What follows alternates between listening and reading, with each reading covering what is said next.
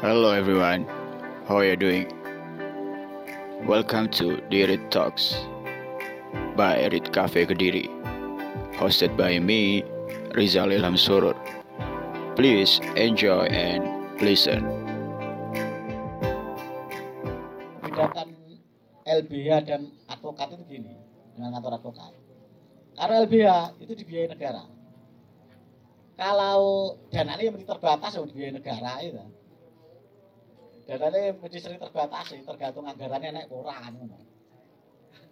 Oh, Cairnya angel nyairnya ya. Lah kalau kantor advokat itu gini, terserah kita. Karena apa? Sing bayari masyarakat. Kon petung-petung dhewe gitu. Sakar karepe dhewe sebetulnya ora diprotes karo kliyene ngono to. Lah saya nanti berkeinginan jenengan nanti bisa menjadi apa? eh, para legal para legal yang apa? Yang tangguh bisa menghubungi kantor-kantor advokat atau pengacara pengacara pengacara Cik Anyar itu sampai minta bantu ngono ya ta. Nah, bisa golek klien, nanti tak ajari semua itu. Ya, terus kemudian eh, dari situ ya bisa hidup, bisa hidup. Maka nanti akan melahirkan bisnis jasa hukum. Nah, jenengan itu nangani yang non litigasinya itu. Itu itu para legal. Tapi ora cukup sedina orang dina ya. Praktek barang, ya ta. Praktek barang. Sampeyan kok nanti akhirnya sing ra kuliah hukum malah pengen kuliah hukum, ya. Lah iya. Saya ada tadi di para legal, saya ini di pengacara. Saya ini paling dikritik oleh para pengacara. Dikritik karena Pak Puji gampang ngobrol itu. Apa sampai katakan ini anu apa? Benda jadi advokat. Ya. Ini magang nih, semuanya wes ya. Nah, nah apa angel-angel? Loh, apa ora saingan Pak Puji? Saya kira tidak ini. Saya ini wis melahirkan banyak advokat ya jadi pesaing saya ya nek sidang ya, lawan ya. Ya tapi perkara saya juga terus datang ya enggak enggak apa enggak terbatas. Saya kan kalau saya sekarang saya getol mengembangkan TKW. Nah, jadi pendampingan TKI di luar negeri. Dulu saya diolok-olok anu, pengacara syariah. Saya diolok-olok dulu. Oh, apa pengacara nek pengadilan agama itu kan gampang. Enggak angel, jadi pengacara cek-ceklan. Malah saya ada ambil pusing ya. Saya ambil kopian ini ya praktek pengacara di pengadilan agama. Ya habis itu saya bisa beli mobil. Teman saya yang ngolong-ngolong itu masih sepeda motor elek. Loh, jiwa tuku mobil loh. Terus tanya, itu tak kecil lagi. Loh, kowe ora gelem nangani pengadilan agama. Hari ini pengacara itu jarang mau nangani pengadilan negeri malah. Wah, jangan lupa di pengadilan agama. Nah, bagaimana mau pengadilan agama Kediri itu rata-rata satu hari 170 perkara. Terus pengadilan negeri paling berapa? 10 perkara. Lama lagi dari jadi duit, ya. Saya itu ada nangani kasus tanah ini ya sudah 10 tahun di rumah. Ada yang sudah 15 tahun di rumah. Teman saya sampai sudah habis 4 miliar itu. Arane nilainya ya anu apa miliar-miliar tapi ya gimana bulat kliennya wis setuju tolong atau sangat puluh miliar padahal ini paron pak polisi ini jalur 1,7 triliun ra- radang jadi duit ya tuh karan dewi dewi kliennya sampai sing ditahan ini kalau sing ditahan. Tapi rata jadi duit sudah 15 tahun gitu kemarin mimpi argo macung caleg barang. Pikirnya harus cair terus atau sangat lopo miliar. Sampai pecelakaan mari bodoh radati yo ora cair ya. Saya cair ya tetap apa? Pengadilan agama. Langsung pengadilan agama kan enam juta setengah tolong juta lima juta. Tapi langsung cash ya, perkara langsung selesai ya. dua tiga kali sidang langsung mari ya teman deh paling ada sampai satu juta itu untuk perkara itu biayanya loh habis dah Makanya saya lah anu klien bayar kan satu juta setengah Pak Uji. Wah, gak apa-apa lah. Satu juta, ya gak apa-apa lah tak sidang nih. Nah. Terus kalau malah lu Pak Uji ini kok bulat ae. Ya piye wong bayar satu juta ya. Jalur udah beres-beres. Lah sidang ya jalur ditunda-tunda terus. Ya gue kali gitu. Ya, ya tapi ditangani lah sampai beres ya. Karena saya ini dulu nangani apa pengadilan agama itu karena ada klien saya TKW tidak punya duit dia bantu tak tangani tidak perlu bayar jadi tak tangan aja habis itu sekarang sampai sekarang dia kita nyarikan klien jadi kalau temennya cerai dikasihkan kalian dan nanti dia tak kasih komisi nanti ada tahu tuh kamu mau ngembangkan saya? Oh iya pak. Kasih komisi akhirnya beranak pinak jadi tiba-tiba ada WA nanti Uji ini ada klien. Nah, terus itu aja. Tidak pernah roh wongi ya karena orangnya di luar. Paling pulang-pulang nanti ngambil aktenya langkah itu keluarga disuruh ngambil aktenya jadi pengadilan syariah ya, itu jauh lebih prospek. Kalau untuk bisnis jasa hukum dibandingkan pengadilan negeri dan orang Kristen lecera ya jarang Wong Buddha ya, Hindu ya. Juara sekali cerai. Dan cerai angel. Ya sulit saya kalau ada orang Kristen cerai, waduh ini kayaknya Pak di 10 sampai 15 wis kawani saya. Izin soalnya dia nanti. Lebih baik kan ini. Lah orang ngono wis tak gene gugatan wis gugat-gugatan dhewe aku nek. Karena apa? Yes, ya pengadilan negeri kita kan masih belum apa reformasi. Ya. Jadi hal-hal seperti itu masih anu. Upah ngetik macam-macam tuh. Kayak upah ngetik Pak. Kayak apa ngetek wis gak mari-mari ya. Ini, ini, ini di kita di sampai di Mahkamah Agung. Ya memang lebih baik dari dulu ya, tapi tetap ada aja. Jadi ini bicaranya apa? Praktek dalam praktek hukum. Ya. Jadi ini dia apa tugas para legal. Ya. Drafting apa? Drafting itu gak gugatan, gak surat kuasa dari drafting. Dan kelemahan selama ini tolonglah uh, jenengan-jenengan ini mau belajar buat drafting ya karena kelemahan pengacara dalam praktek termasuk LB ya itu di drafting. Iya, drafting itu paling lemah itu. Lemah sekali ya. Makanya ini nah, kalau ada drafting itu nanti uh, kita sampai kapan lebih banyak dipakai oleh apa baik pengacara-pengacara karena oleh pengacara nyelot anu deh. Kayak kalau saya ini masih drafting sampai sekarang. Ini tadi ya baru selesai bantu teman drafting ya karena apa ya? Banyak yang memang kayak anu ya. Lek sing senior-senior mesti anu deh, gak dan drafting. Salah apa? Suwi randang oleh duwe. Masa petung lah. Petung drafting dicepakno petung dadi duwe ya.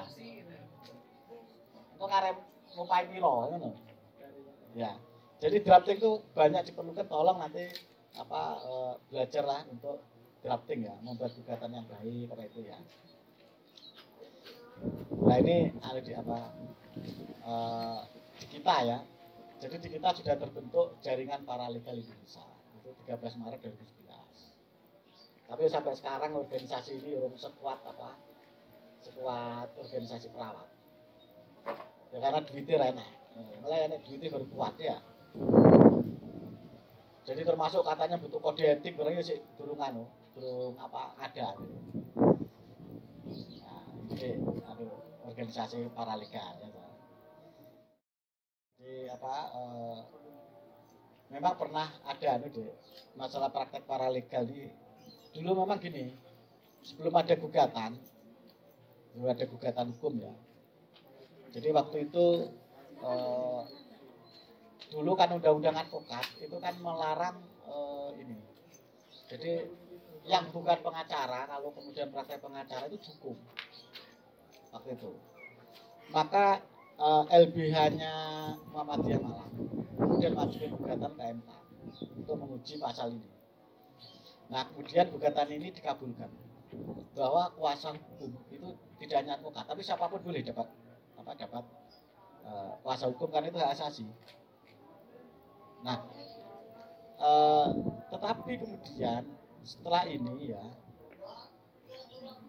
banyak kemudian para legal itu deh moro-moro praktek pengacara nggak bisa kurang loh kayak toga tetapi klien sidang kan itu ya. Ya praktek litigasi itu nah itu uh, sah atau tidak? Tidak sah tapi sebenarnya kalau kita mengacu pada kuasa hukum ini lah ngomong kuasa hukum ya. Nah kuasa hukum itu kan diberikan kepada organisasi bantuan hukumnya sebenarnya. Nah, nah lembaga uh, eh, OBH itu sebenarnya kalau berbeda hukum statusnya sama dengan manusia. kalau kemudian uh, eh, OBA ini sudah terakreditasi memenuhi syarat-syarat undang-undang batu sebenarnya ini boleh uh, mendampingi apa uh, di dalam persidangan asalkan ini orang miskin. Saya pernah mencoba ada para legal saya tentu hanya saya minta untuk menerima apa uh, berkas, menyerahkan berkas, menyerahkan pembelaan aja. Karena kemudian e, ketika dipersoalkan oleh apa e, hakim, saya minta untuk debat. Pak, saya hanya mewakili LBH karena e, advokatnya tidak bisa hadir, advokat LBH, terus advokat lain juga berhalangan. Saya sebagai paralegal diminta untuk menyerahkan ini. Boleh itu diterima oleh hakimnya? Boleh. Karena per, uh, persepsi hakim kuasanya kan untuk apa uh, eh, LBH-nya itu itu itu yang yang yang membedakan ya kalau nama nama perdebatan jadi apa uh, ini tentang sepintas selalu tentang apa uh, paralegal ya tentang paralegal nah, karena paralegal ini sudah sudah apa dilindungi oleh undang-undang bantuan hukum jadi undang-undang Badun Kobo ya, bukan undang-undang apa uh, advokat. Seharusnya kalau saran saya harusnya para legal itu ke depan juga harus mendorong di undang-undang advokat itu juga di apa dimasukkan harusnya kalau itu para legal kuat ya, ya. Tapi para legal di Indonesia itu rata-rata lebih senang jadi Markus gitu daripada harus bahwa Markus itu adalah sebuah profesi gitu. Gitu. Karena apa-apa lagi duit mari gitu. Itu ya, yang yang terjadi itu. Uh, ini ini penjelasan saya nanti monggo kita uh, kita dialog terkait dengan apa uh, pengertian para para legal ya. Monggo ya. Biar biar enak aja apa yang jenengan apa tanyakan gitu tentang paralegal. Itu yang praktis-praktis saya ya. Jadi biar ilmunya nyampe itu. Soalnya di Indonesia buku tentang paralegal pun jurung ono. Paling sampai takut nih desain sampean, ya. Coba sampai tanya nih desain sampean yang yang kuliah hukum ya. Oh, beli paralegal itu. Berarti kadang-kala ya masih apa apa apa bingung gitu. Itu. Nah, monggo saya kira uh, dalam dari saya, saya ini saya akhir sekian semoga uh, ilmu ini bisa apa ber, bermanfaat. Ya hanya saja gini, besar tidaknya profesi paralegal di Indonesia ini nanti akan tumbuh atau kemudian mati atau mati suri ya tergantung orang-orang yang bergabung di paralegal itu ya. Tapi ini sedikit sekali, nah, mungkin hanya beberapa uh, saya melakukan pelatihan paralegal di Trenggalek. Waktu itu per kecamatan uh, saya didik satu-satu-satu.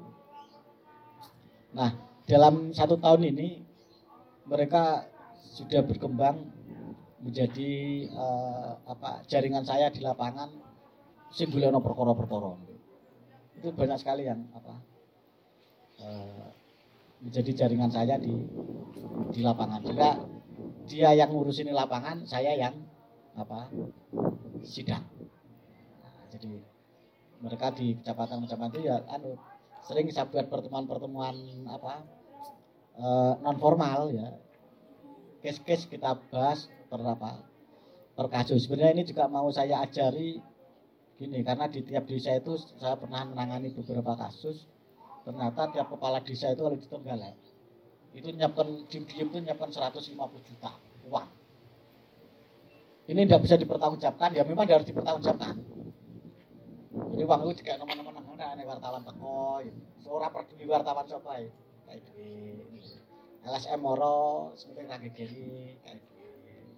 Oknum polisi Moro, oknum babinsa Moro, kayak apa, duit. Nah, suatu kali terjadilah kasus, mereka diperiksa oleh kejaksaan sebagai tindak pidana korupsi uang senilai 150 juta itu. Saya baru tahu. Dia ngomong kepala desa nih, Pak Puji, ini nih kabel lurah gelek ini ini. Terus, kok saya sendiri yang diproses hukum? Nah, saya periksa deh Saudi itu. Terus saya bilang, ya mesti Pak, lek dihukum. Terus saya bilang gini, apa Bapak pengen langsung besok segera ditahan? Oh, oh malah jalan ditahan ya Pak. Saya konsul ini kan menjora terus. Makanya saya tawari supaya segera ditahan atau tidak. Nah kalau nih, soalnya saya harus ngasih konsul yang jelas. Yo pengen dia ditahan Pak. Terus akhirnya Lelek pengen gak ditahan. Napa duit gelam ini kok malah sampai bukukan itu. Malah di SPC-nya kwitansi itu. Gue jelas duit gelap ini. Jadi ini kalau menurut hukum kena gratifikasi. Nah, tak gitu kan. Lo kok malah di SPJ nih, akhirnya wartawan ragilnya SPJ nih.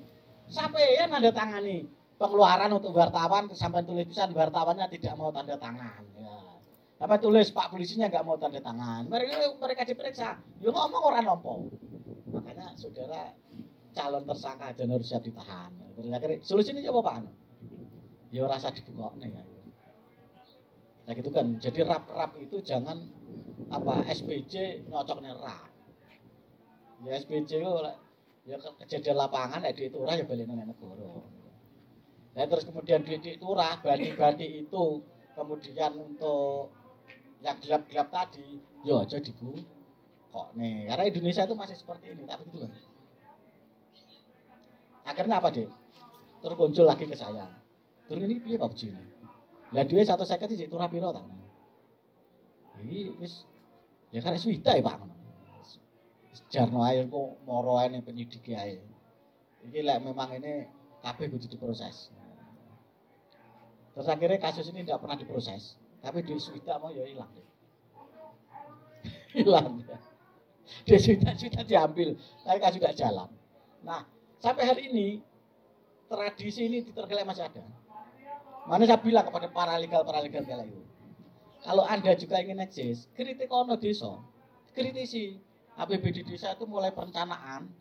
Jadi ada siklus anggaran dari musren bangdes, kemudian penyusunan musren bangdes menjadi uh, pembahasan musyawarah desa untuk rencana uh, penggunaan anggaran desa di dalam satu tahun RAPBDes praktek piye akhir tahun piye nah, ini para legal bisa ngono ya oleh bagian sing dana desa cek juta lho mesti oleh bagian tidak kira oleh bagian karena apa Biko moro-moro ya penegak hukum ya sih dibanding geger ya yus kawan anggaran pisan wis tapi menang-menang gitu loh. Mesti ngono deh. Itu itu apa terjadi. Ya, kalau di wartawan para legal itu statusnya adalah paparasi. Kalau di wartawan. Jadi sebenarnya ada profesi paparasi, tapi di Indonesia wartawan itu ya paparasi lah di Indonesia. Nah, di luar negeri paparasi itu definisinya orang mencari informasi, tetapi informasinya dijual. Ini paparasi. Kalau orang cari informasi, terus kemudian informasinya untuk internal, intelijen. Kalau orang cari informasi, eh, kemudian dia dihonor oleh kantor berita dan dia menyerahkan informasi kepada kantor berita, itulah namanya wartawan. Jadi di Indonesia masih memang masih kacau itu. Makanya para legal bagaimana ke depan tergantung para legalnya. Tapi ya jelas undang-undang sudah memberi payung hukum untuk para para legal. Jadi semua tinggal berpulang ke jenengan-jenengan. Ya kalau saya pengacara, Pak Panasun ini notaris, garis pengacara ya, ya saya pengacara kan ini ya, itu. Monggo kalau jenengan mau berminat jadi para legal. Ini saya anu apa saya share supaya nanti monggo uh, kita diskusi ya. Bebas ya. Termasuk iya Pak honore para legal Pak. Ya, enggak apa-apa ya nanti kita Sekian terima kasih. Wassalamualaikum warahmatullahi wabarakatuh. Plus untuk Pak Pujianti. Iya. Uh, itu tadi adik-adik. Uh, sebelum kita lanjutkan silahkan ngambil snacknya. Ya, biar tidak ngantuk. Monggo Sambil minum. minum. Silakan ayo santai aja ya. Diambil nanti balik lagi ke sini kita lanjutkan ya. Monggo. Tapi yang jelas ngomong paralelnya tidak cukup sedino. Iya. Uh, saya lanjutkan dengan pertanyaan-pertanyaan kalau teman-teman ada pertanyaan atau mau memperdebatkannya kami persilahkan. Monggo. Monggo bebas ya, Dek. Iya, silakan. Nama? Iya, dari kampus mana? Ya lulus, ya, apa? Ada apa-apa. Ya, monggo.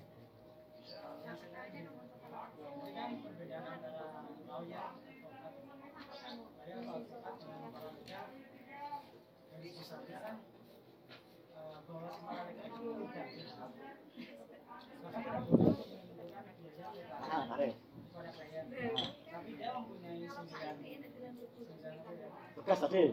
Ah. juga tadi Bapak menyampaikan si lawyer itu tidak tidak ada larangan untuk mengajukan biaya notaris berapapun dari yang pro bono ataupun nominal berapa. Kesepakatan yang tadi Bapak sampaikan bahwa antara dengan lawyer tersebut kesepak- kesepakatan yang dikehendaki itu berupa tulisan atau hanya lisan.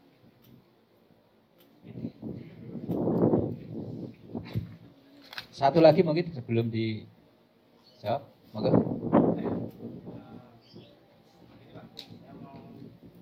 Eh, tadi kan sudah Eh, itu kalau menurut saya yang saya belajar itu kok itu belum dijelaskan secara detail maksudnya yang dijelaskan oleh bapak tadi eh, mengenai tentang proses paralel dan itu adalah tentang skema non digitasinya tapi eh, digitasi tapi yang digitasinya itu nah mohon itu diterapkan supaya peserta itu juga tahu bagaimana skema eh, paralel dan non digitasi dan skema non digitasi dan satu lagi eh, apa itu? Apakah paralegal itu hanya partnernya itu hanya advokasi, pengacara atau LBH. Selain itu partner-partner itu advokasi paralegal itu boleh atau tidak. Misal aparat, terus Romingham, terus kayak BDNU dan sebagainya itu boleh atau tidak atau sebatas tiga tadi LBH, advokasi dan pengacara. Mungkin bisa langsung dijawab. Eh, eh, terima kasih ya. Jadi apa? eh, kalau menyangkut penentuan biaya, penentuan biaya itu gini. eh, apakah secara lisan atau tertulis ya? Ini adalah pengalaman saya ya. Saya kalau yang perkara kecil-kecil, perkara kecil apalagi kalau lo ya, jarang yang saya kontrak. Kasian orang miskin masih gini kontrak, ya. Mau mereka juga nggak bayar, itu jadi jarang. Eh, tetapi kalau di dalam konteks advokat, kalau saya advokat ya, maka saya kalau perkara-perkara itu kecil, itu biasanya langsung aja. Jadi langsung apa? Istilahnya, misalkan perkara cerai, ya kuatir bayar biro, wis samono, terus nanti para legal saya, yang bantu saya itu dia sing klien, ya klien itu hitungan langsung. Saya biasanya ya ini jujur ya, jadi biasanya gini, eh, saya penanganan perkara itu habisnya. Habisnya loh ya. Itu eh, 2 juta. Untuk bensin untuk kertas ya untuk listrik sama itu. Itu habisnya menjadi 2 juta. Biaya perkara. Gitu. maka sisanya ini keuntungan. Kalau klien saya bayar 2 juta setengah orang atau seket untuk para legal saya 250 ribu untuk saya. Bayar 3 juta misalkan. Nah ini ada duit 1 juta. Para legal saya 500 ribu saya 500 ribu. Kalau bayar sampai 5 juta ya berarti kan ada uang 3 juta. Eh, sana para legal saya 1 juta setengah saya 1 juta setengah. Yang uang-uang 2 juta itu sudah masuk di rekening lah itu di rekening ini ini anu ya apa eh, penerapan saya sebagai advokat biasanya ini lisan terus kemudian baru saya kalau perkara besar ya terutama menyangkut tanah itu kalau tidak saya kontrak kayak kemudian kayak ngapusi. Karena orang tradisi di Mataraman ini ya ini kalau kita saya ini kan terbiasa memberi konsul detail. Satu, kali teman-teman saya itu nasihati, kamu jadi kayak konsultasi detail. Karena apa? Begitu orang itu ngerti cara-caranya, melaku dewi. Akhirnya kita diputus kontrak. Gitu. Makanya saya kalau dengan perkara-perkara besar mesti saya kontrak. E, kalau mereka yang membiayai, maka jasa hukum saya berapa? Untuk akomodasi, transportasi ya. Kemudian sukses fee-nya berapa? Kita ada kontrak. Kalau saya yang membiayai, saya minta e, kalau menang itu separuh. Klien saya separuh, saya separuh. Karena saya akan membiayai macam-macam untuk para legal saya itu membiayai. Itu operasionalnya itu dari saya maka ini separuh itu. Itu kita buatkan kontrak tertulis. Saya tadi saya tidak bawa ya contoh-contoh apa perjanjian-perjanjian tertulis dengan klien-klien itu. Nanti satu kali nanti tak, tunjukin deh perjanjian-perjanjian seperti itu dan saya dengan para legal saya kalau membuat perjanjian para legalnya ngerti karena apa? Walaupun dia tidak tercantum di situ, tapi biasanya saya jadikan saksi. Saksi saya, karena legal saya, karena dia yang bawa klien, saya jadikan saksi. Jadi nanti menang pencairan, ya dia bagian deh. Aku hanya petung dewe kalau para legal saya bagian sama ini sama ini. Karena saya dianggap komitmen para legal saya ini jarang kok ngajak perjanjian tertulis. Apa ada mau para legal yang perjanjian tertulis ya no? ini, ini, ini contoh ini. Pokoknya aku komitmen. Lah sama ini sama ini. Itu ya. Itu anu apa? Ini tentang anu di tentang uh, apa perjanjian ya antara para legal dan kenapa kalau advokat itu ya nonton notaris seperti itu ya. Lah kalau para legal ini nonton notaris dewe iso-iso kena kasus tuh.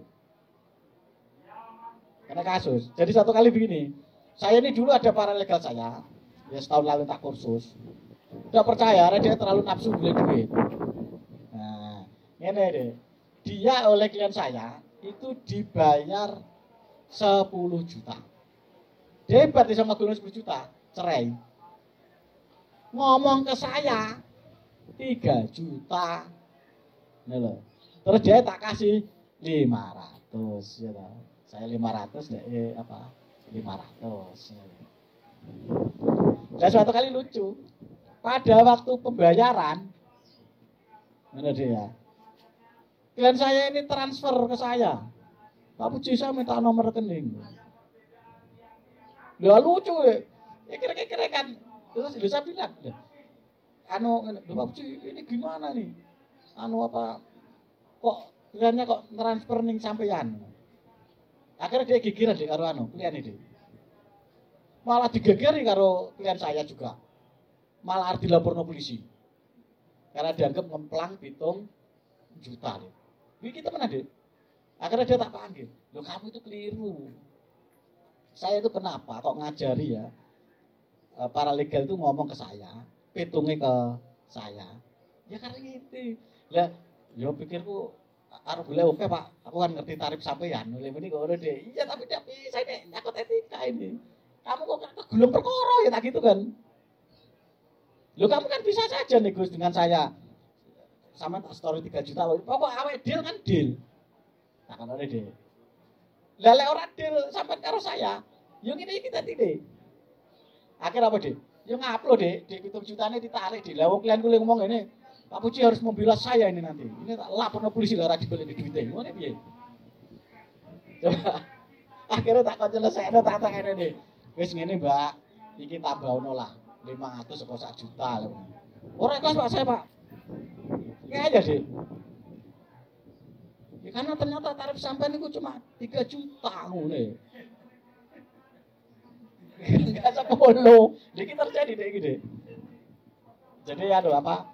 Ini uh, kenapa ya di uh, menyangkut uh, para legal tidak boleh nentuno tarif, ngerti. Yang ini mau kasus jadi lapangan kok sesuatu kalau diatur undang-undang aja dibantah. Karena ini menjadi masalah loh. sama segala sesuatu kalau diatur di Al-Quran oleh itu kalau Gusti Allah loh ya. Jadi langgar itu jadi masalah. Saya contoh sederhana lek poligami kudu izin istri tua ngono ta eh, Al-Quran yang ini deh, hadis loh. Saya, klien saya ini, yang saya ketahui saja istri ini songo. Yang saya ketahui loh. Sing, sing saya ketahui ku. Terus baru tambah lagi menjadi 10. Hari ini gue kiran karo istri tua deh. Kau pikiran rame, istri tuane kok gue kiri karo mbok nom Kayak karo adi kan adi sarjana hukum. Warane kon surat pernyataan, pakai gue kerame. Nah ini akhirnya sering datang ke saya. Nah, terus saya disuruh memberi solusi hukum. Lah iki repot. Enak sing nikah siri, enak sing nikah resmi. Lah lah sing nikah resmi wong Kristen ngaku Islam. Sing kedua ngaku do, lek ngono ngaku Joko. Lah iki. Piye solusi hukumnya ya? Kan iso dihukum. Tapi saya sebagai advokat nggak apa-apa. Masalah itu memang bagi advokat harus carikan solusi karena dari situ kita dapat bayaran kan. Akhirnya takon gugat di cerai-cerai di bujuni. Jadi aku oleh klien oke ya lah. Ini gugat cerai-cerai giliran. Jadi ini diam-diam giliran untuk saya bisa anu supaya apa? Supaya nanti tidak dipersoalkan pemalsuan. Kalau persoalan nikah bujuni songo sepuluh rapopo. Ya, tapi nanti yang, yang sudah lain nikah siri nggak masalah. Tapi sing iki, sing apa? Ngaku Islam, padahal Kristen gitu. Terus ngaku Joko, ya, ngaku Buddha, itu cerai-cerai kok anu apa? Repot. Bisa jadi masalah itu. Ini ini ini saya ceritakan bahwa orang itu kalau melanggar hukum kena perkorong lah, gitu. Ma- Malah para legal memang ngono. Lah pengen golek berarti ya ngomong ini deh, pengacara nih telung juta, le ngomong ya telung juta setengah. Iya lah telung juta, terus kemarin ono pengacara yang dihitung. Pak aku ngomong telung juta setengah loh Pak, ben podo karo saya. Soal ini sisanya untuk saya loh, ngono deh. Ngerti? Kita petung. Ngerti kan rasa deh. Prak-prakteknya di lapangan butuh ngono, ngono lho ya. Soalnya lerang ngono para legal oleh duit deh. Iya enggak? Lek gak ngono ora oleh duit. gitu loh. Dan itu boleh aja sah karena undang-undang advokat ngatur narik berapapun boleh, mulai gratis sampai apa? Sampai berapapun tarik. Ini kan sering tidak menghargai diri kita. Maksudnya untuk itu Pak. Orang apa sih langsung magang nanti langsung gitu. karena undang-undang ada minimal berapa tahun. Oh enggak, enggak anak, enggak ada. Gini kalau kalau mau jadi advokat itu wajib magang 2 tahun. Tapi prakteknya loh, ini ngomong praktek loh ya, ngomong praktek ya. Ini organisasi advokat kan gigiran. Tahu karan di video karena dipengaruhi oleh politik, anak sing berafiliasi karo PDI, non PDI kan. Akhirnya, ya ini rebutan anggota, terutama ada pemilu kemarin. Jadi kemarin langsung karena pendidikan advokat. Akhirnya orang orang tahun barang, alah sing penting SK apa, soko advokat senior serong tahun tanda tangan, lulus sih. Banyak tuh teman-teman saya yang gitu. Ini ngomong praktek loh ya. Mulai sampean gegeri. Lho Pak aku udah tau. Piye lagi gegeri wong advokat yo ngomong semagang rong tahun ya. Le magang yo sik sambil kuliah yo semagang. Terus piye jejal ya? Kan undang-undang hanya ngatur magang rong tahun. Jadi advokatnya senior tanda tangan selesai. Betul loh ya. Ini ini ngomong soal magang loh ya. Nah kalau untuk apa eh, masa tadi mau apa deh tadi anu apa menyangkut kurang detail itu ya Eh, tentang apa ya fungsi paralegal. Jadi gini deh, kalau bicara litigasi itu sudah bukan wilayah paralegal. Jadi misalkan ya litigasi itu apa sih dalam praktek ya? Eh, ada seseorang kena masalah hukum, hukum lera perdata, pidana, administrasi atau administrasi pemilu ya. Misalkan eh, ini menyangkut pidana, maka dia akan diperiksa oleh polisi apa sebagai saksi atau tersangka. Ya, kita undang-undang hukum acara pidana ngatur tersangka boleh didampingi penasihat hukum. Deh. Nah kalau para legal ini dampingi di dalam pemeriksaan, enggak itu deh. Kenapa nanti kalau penyidik ditanya, saudara siapa? Saya ini anu pak, penasihat hukumnya. Nanti kartu advokatnya. Nanti berita acara sumpahi. Ada yang nunjukno tadi? Tidak bisa nunjukno kan kon metu karo penyidik. Nah, ini ini ini ini apa eh, tentang paralegal ya. Jadi makanya paralegal itu menjadi dibatasi akan menangani masalah-masalah hukum tetapi yang non litigasi. Kedua misalkan perdata. Ya, tadi kalau dari pidana setelah disidik nanti dilimpahkan ke kejaksaan baru diadili. Nah, ada orang praktek misalkan terutama ini di lembaga apa nah, ada orang terpidana itu untuk didampingi. Sebenarnya bisa karena hak asasi manusia itu siapa pun boleh mendampingi siapa pun. Misalkan para legal ini mau mendampingi dalam persidangan boleh asalkan mendapat penetapan ketua pengadilan. Jadi ngajak no penetapan deh nang ketua pengadilan. Tapi yuk bayar?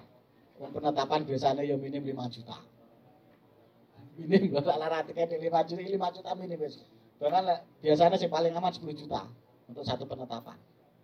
Ya seorang ngono wis orang dikabulno dengan alasan normal nanti deh nah ini masalahnya loh deh ya. Sepanjang nanti misalkan didampingi terus oleh ketua pengadilan dikai penetapan ya monggo-monggo saja. Nggak masalah. Boleh tuh karena pada prinsipnya adalah hak asasi seseorang mendampingi siapa pun dan ditunjuk, ditunjuk kuasa oleh siapa pun.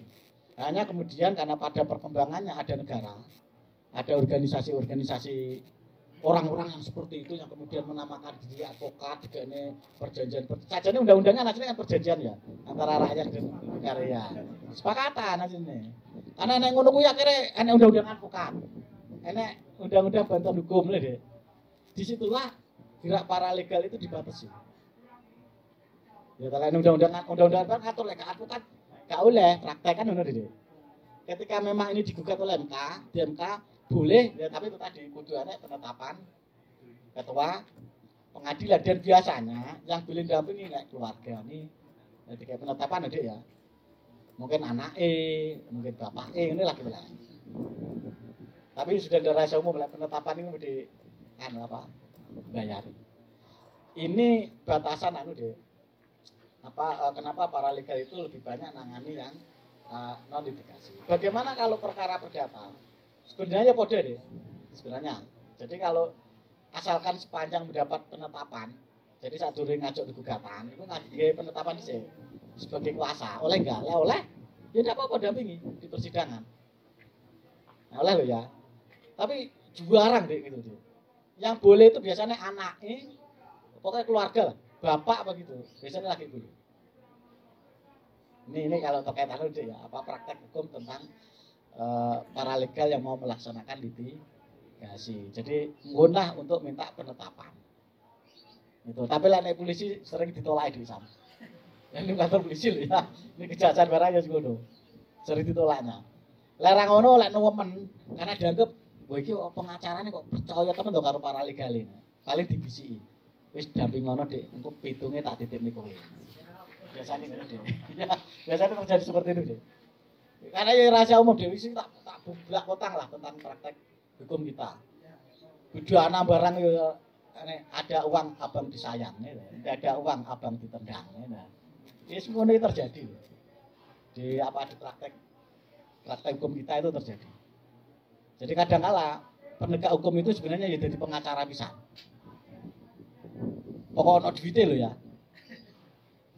Ilara ada duitnya ya di malah dikeprok-keprok lara ada duitnya semua deh. Jadi lagi cerita anu ya, cerita lapangan ya. Maka sebenarnya para legal itu profesi yang kalau menurut saya luas banget. Sakjane lo ya. Orang jadi pengacara orang apa-apa. Orang jadi pengacara sebenarnya enggak apa-apa sepanjang iso golek perkara, bantu nangani. Pinter petung gitu. Paling yang hubungi pengacara nih. Di di sini nih ada kok apa uh, broker perkara itu.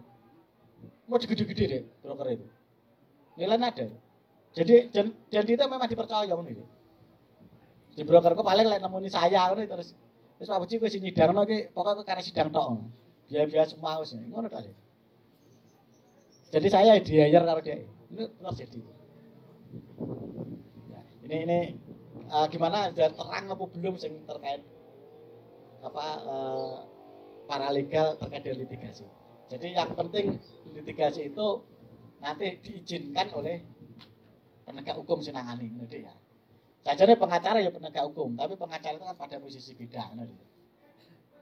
Ya. Oh ya, mitra, mitra. Sebenarnya gini deh, kalau mitra ya. Misalkan, tapi sebenarnya nggak bisa disebut paralegal. Contoh, sampai pengen jadi spionase polisi, oleh nggak apa-apa. Spionase narkoba, apa-apa. Ya dibayar karo anu, karo apa penegak-penegak hukum itu. Tapi jabatannya spionase. Dudu apa? Dudu paralegal, tapi cacane cara kerjanya padha karo paralegal. Ada profesi SP kan. Spionase itu lah. Ah, mata-mata. Jadi apa? Itu sebenarnya bisa disebut paralegal, spionase. Modo LSM, macam LSM. Ini dulu oh, di Kediri itu belum ada mengenal LSM itu. Dulu saya kursus kayak gini. Tapi ya belum ada di LSM itu selama. Ya, LSM itu sebenarnya hari ini apakah mestinya LSM itu kan lembaga swadaya masyarakat? Harusnya yang nguripi kan masyarakat. Tapi LSM ini karena duitnya gini pemda, jadi jadi mata dan telinga pemerintah daerah ini sebar demo. Alasannya ya aku lapor, kayak yang deh. Itu aja nih deh. Makanya wilayah paralegal akhirnya luas. Sampai kok lagi ngerti paralegal, sampai akan jadi LSM yang yang halus lah lek main loh. Gak kayak LSM sing saiki pasar kasar ngentani lurah ngono ya. Rada sop lho. Jadi ngene Dik, pengertian sop tuh gini, yo golek yo kabeh wong nyabetke golek.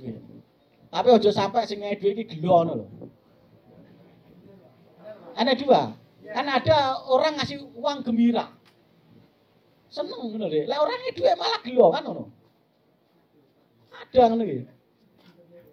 Karena apa? Karena orang itu ketika mendapat semua itu kan jadi kepabrikan informasi dan data.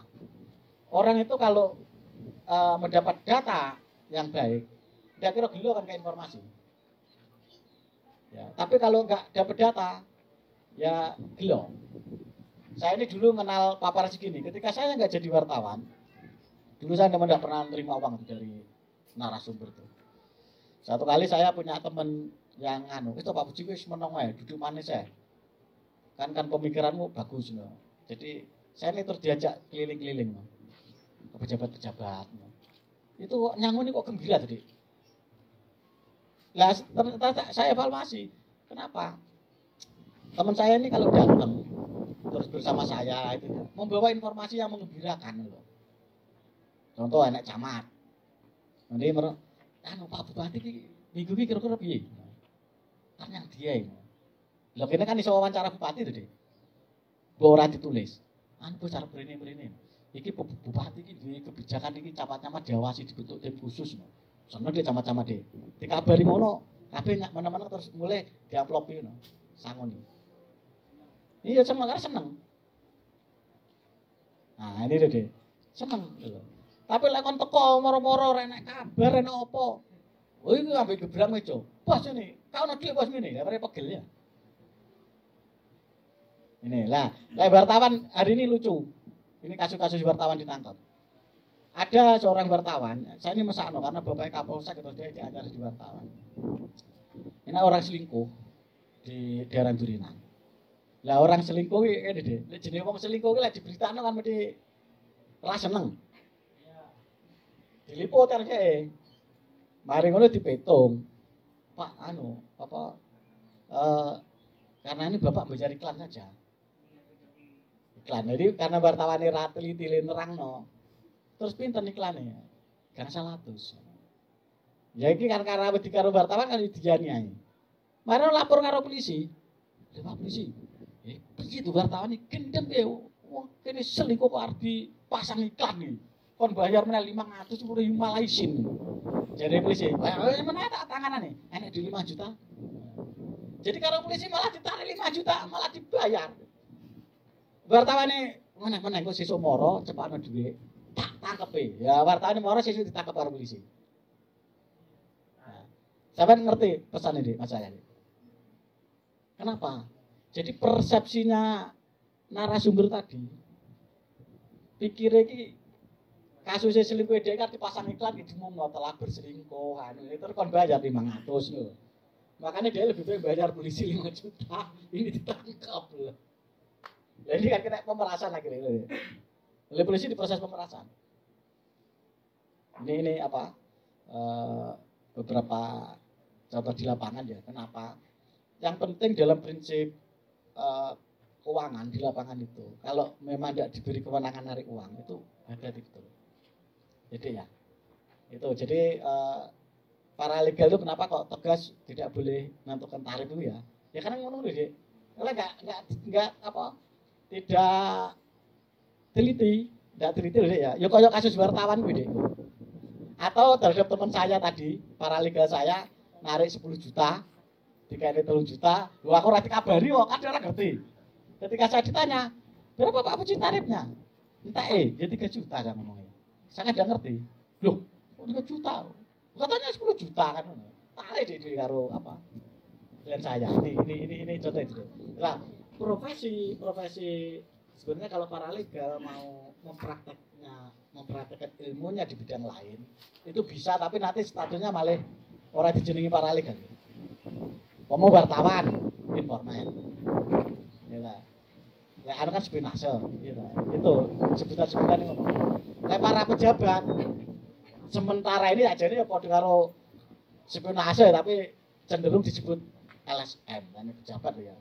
Jadi hari ini kalau di mata pejabat LSM itu dianggap sing gelem apa kerjasama ngai info-info kepada para pejabat.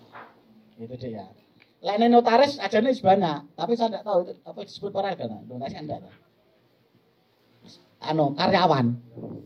Staf staf notaris. Padahal sebenarnya dia yang ngelek perkara-perkara jual beli apa-apa mau dikirim notaris terus api menang-menang. Pak bayar aku sama ini loh pak. Tuh ya. Jadi ini ini di tentang anu tentang apa? Sebenarnya ke depan diskusi kita itu lebih ke ini lebih ke apa bagaimana praktek paralegal yang baik nanti akhirnya gitu selanjutnya loh ya gimana sudah jelas nah, ada yang lain ya Eh, sebelumnya saya perkenalkan diri ya. Nama saya Pat Nasunu, sarjana hukum MKN. Jadi profesi saya sehari-hari memang menjadi notaris PPAT di Kabupaten Kediri. Ya.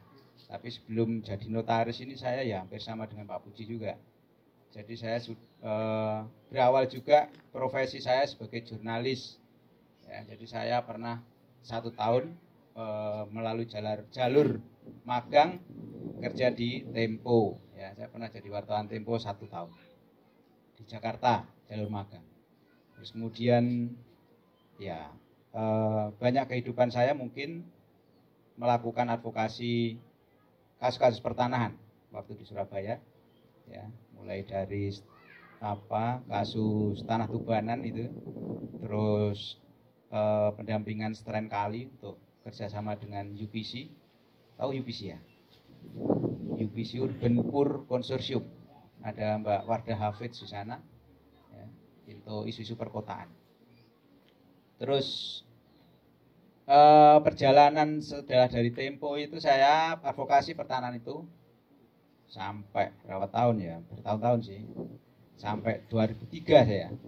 Sampai 2003 nah masuk menjadi komisioner KPU di Trenggalek. Sebagai penyelenggara pemilu berakhir kemarin. Di bulan Juni. Dan saya kemudian menekuni profesi saya yang sekarang advokat eh, notaris dan PPAT. Eh, makanya saya mungkin akan menerangkan banyak soal praktek paralegal dari versi saya mungkin ya. ya. Eh, apa yang disampaikan oleh Mas Puji memang banyak benarnya juga. Jadi praktek paralegal ini kan sejarahnya kalau di Indonesia diawali oleh teman-teman di YLBHI sebenarnya gitu ya. Jadi eh, ada dulu ada namanya NGO non government organization. Ornop organisasi non pemerintah disebutnya kan kayak gitu. Terus sama Pak Harto disebut OTB, organisasi tanpa bentuk gitu ya. Karena banyak menyerang dan mengkritik pemerintah kan gitu. Nah, teman-teman YLBHI, Pengangkatan Buyung CS segala macamnya itu mendirikan yayasan. Jadi dia karena banyak kegiatan-kegiatan NGO ini diserang, ya oleh pemerintah, oleh negara pada saat itu rezim Orde Baru. Nah, pendekatannya pakai pendekatan hukum. Gitu ya. Jadi dia mendirikan ornop tapi berbasis atau pembidangannya di pembidangan. Nah, memang diawali oleh eh, senior-senior yang bekerja sebagai advokat. Iya, bekerja sebagai advokat dan mahasiswa-mahasiswa hukum. Jadi basisnya memang mahasiswa pun yang terlibat di situ awal-awal kali itu adalah juga mahasiswa hukum dan sarjana-sarjana hukum yang bukan advokat yang kerja-kerja di LBH. Karena saya tahu persis di LBH Surabaya pun juga banyakan mahasiswa-mahasiswa hukum yang dari Unbra, dari UNER gitu ya, yang terlibat di dalamnya. Nah, eh, yang dikembangkan oleh YLBHI pada saat itu ya Bang Amran Buyung CS ya Pak Zaitun segala macamnya itu nah itu mengambil apa yang diistilahkan pendekatan bantuan hukum struktural ya. Eh, bantuan hukum struktural Nah, sebenarnya praktek paralegal kalau di luar negeri atau di Amerika atau di Eropa itu sebenarnya adalah praktek-praktek mereka yang magang pada law firm law firm hukum di apa di negara mereka ya. Kalau mereka di Amerika di Eropa itu LSM jarang ya. Karena tidak untung ya. Ngurusi sosial gitu ya kalau di Indonesia kan muara itu ya karena eh, salah pengertian gitu ya jadi LSM digunakan untuk juga mencari apa eh, menjadi satu profesi gitu ya pendekatan padahal kalau di negara-negara yang maju ya yang namanya LSM atau NGO itu ya memang ngurusi untuk sosial gitu ya. People to people dananya itu. Jadi dari masyarakat ke masyarakat. Jadi kon nyumbang, nyumbang, nyumbang. Sebenarnya perannya seperti pada pesantren itu ya. Peran-peran seperti apa eh, yayasan-yayasan ya pesantren itu yang benar itu ya. LSM gitu ya. Jadi dananya itu adalah dari masyarakat untuk masyarakat untuk pendidikan, untuk pengembangan ekonomi. Nah, seperti itu. Nah, praktek paralegal itu lebih pada praktek profesi sebenarnya menjadi asistensi dari law firm atau advokat yang bekerja secara profesional. Butuh pendalaman case, kasus. Tolong ini staf atau paralegal, investigasi. Pemetaan subjek hukumnya siapa, objek hukumnya apa, gitu ya peristiwa hukumnya atau perbuatan hukumnya apa dirumuskan semua rumusan pasal-pasalnya nah kerja-kerjaan disebut investigasi ya. lokasinya mana kalau pidana apa ber, ber, apa kerja-kerjanya seperti itu para legal itu. Ya dibayar karena law kalau di sana itu gede-gede gitu ya. Jadi kalau para legal itu ya eh, profesi khusus gitu ya. Profesi yang memang membantu advokat. Karena advokat ini kan kalau di Eropa, di Amerika, ya pakai dasi, gaji besar kan, tanda tangan aja nanti dia yang apa yang main di peradilan khusus dia pakai logika hukum di peradilan aja nggak ada advokat yang bekerja ke ke desa-desa jangan dibayangkan seperti itu mereka cuma dari rumahnya yang gede ke pengadilan aja kerjanya itu yang disebut kalau advokat kalau di Amerika atau di Eropa. Seperti itu kerja-kerjanya, praktek-prakteknya. Nah, mereka untuk bisa bekerja mengumpulkan bukti-bukti hukum, dokumen-dokumen hukum, ya, menentukan subjek hukumnya apa, perbuatannya hukum, wawancara segala macamnya. Nah, ini semua dilakukan oleh asisten tadi yang disebut paralegal. Ya. Nah, praktek-praktek paralegal sebenarnya ada pada pada e, hal yang seperti itu gitu ya sampai kemudian misalkan oh butuh kesepakatan eh, mediasi segala macamnya ini cukup dilakukan para legal nah di Indonesia nah pada saat ya kalau di Indonesia semua konsep jadi rusak itu ya semua konsep itu kalau di, di Indonesia jadi rusak semua ya, yayasan rusak itu ya LSM rusak wartawan juga rusak penegak hukumnya rusak gitu ya Nah, ini mau diakui atau enggak apa yang diceritakan oleh Pak Puji sampai hari ini ya praktek itu ada seperti itu. Ya. Kita ini hidup di antara sebuah kerusakan sistem. Ya, itu yang mesti harus kita pahami. Ya. Tidak ada yang namanya di bidang hukum Anda tidak masuk dalam lumpur yang seperti itu. Gak mungkin. Boleh, idealis boleh. Ya, harus. Wah, pembelaan gini gini gini gini harus itu. Pasal-pasalnya ini, bukti-buktinya ini. Sama ketemu polisi, ya. Beda cerita lagi nanti. ketemu penegak hukum yang lain di kejaksaan, beda lagi ceritanya. Di pengadilan akan beda lagi ceritanya. Jadi praktek hukum kita sampai hari ini masih seperti itu. Nah, saya akan uh, nanti pilihan ya, ini pilihan ya.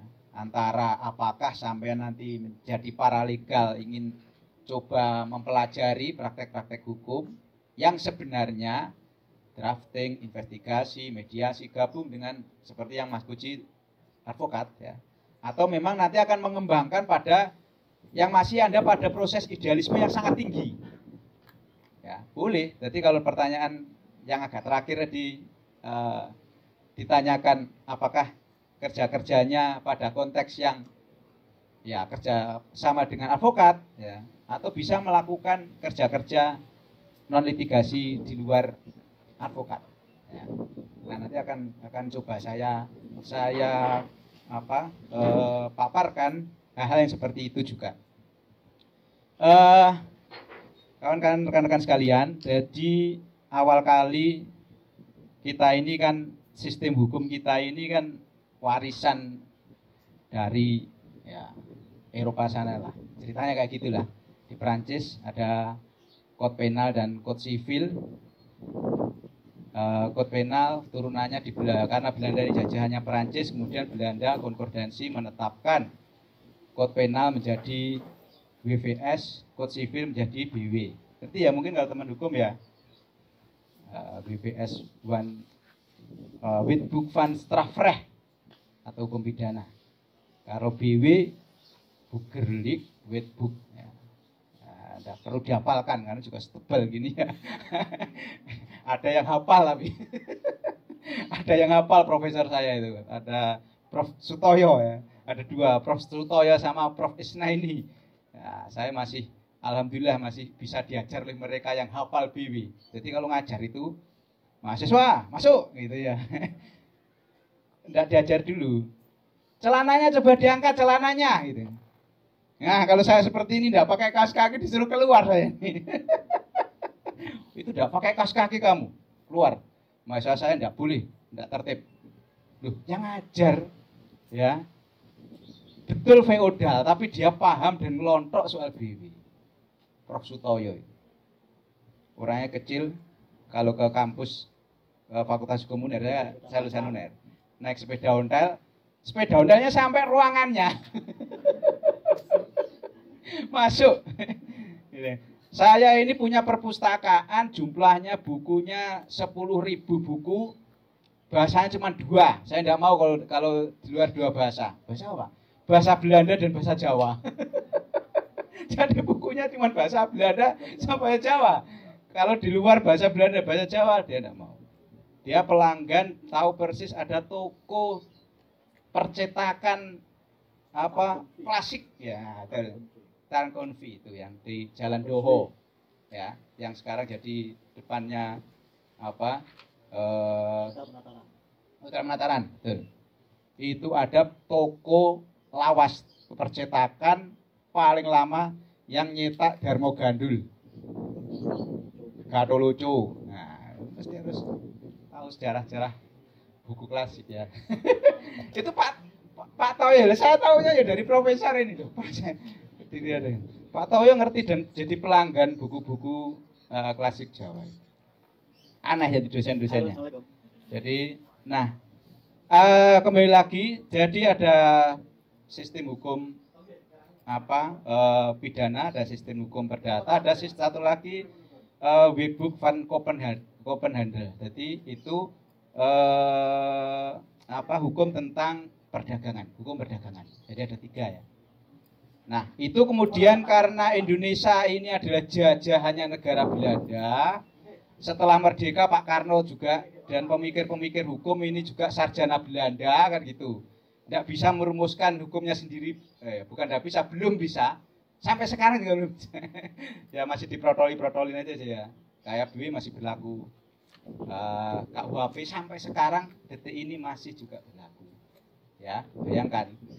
Jadi masih belum bisa membuat versi yang otentik hukumnya sendiri. Nah, hukum perdata. Nah, kemudian karena jajahannya dulu namanya Hindia Belanda, jajahannya Belanda, Belanda ngirim gubernur ke Indonesia, dah ini hukumnya berlaku juga buat orang Indonesia. Ya. Ada apa? Eh, karena orang Indonesia pribumi ini jajahan, ya sama dong, kan gitu. Dengan orang yang menjajah kan gitu. Nah, kemudian diterbitkanlah kalau tidak salah 1320 IS apa ya untuk enggak eh, apa eh, untuk indi indise uh, apa uh, standar yang tentang penggulungan hukum untuk diterapkan kepada satu pribumi, dua warga Timur Tengah asing, Arab dan Tionghoa sama hukum Barat. Ya, itu. Jadi kemudian hukum ini dipecah seperti itu.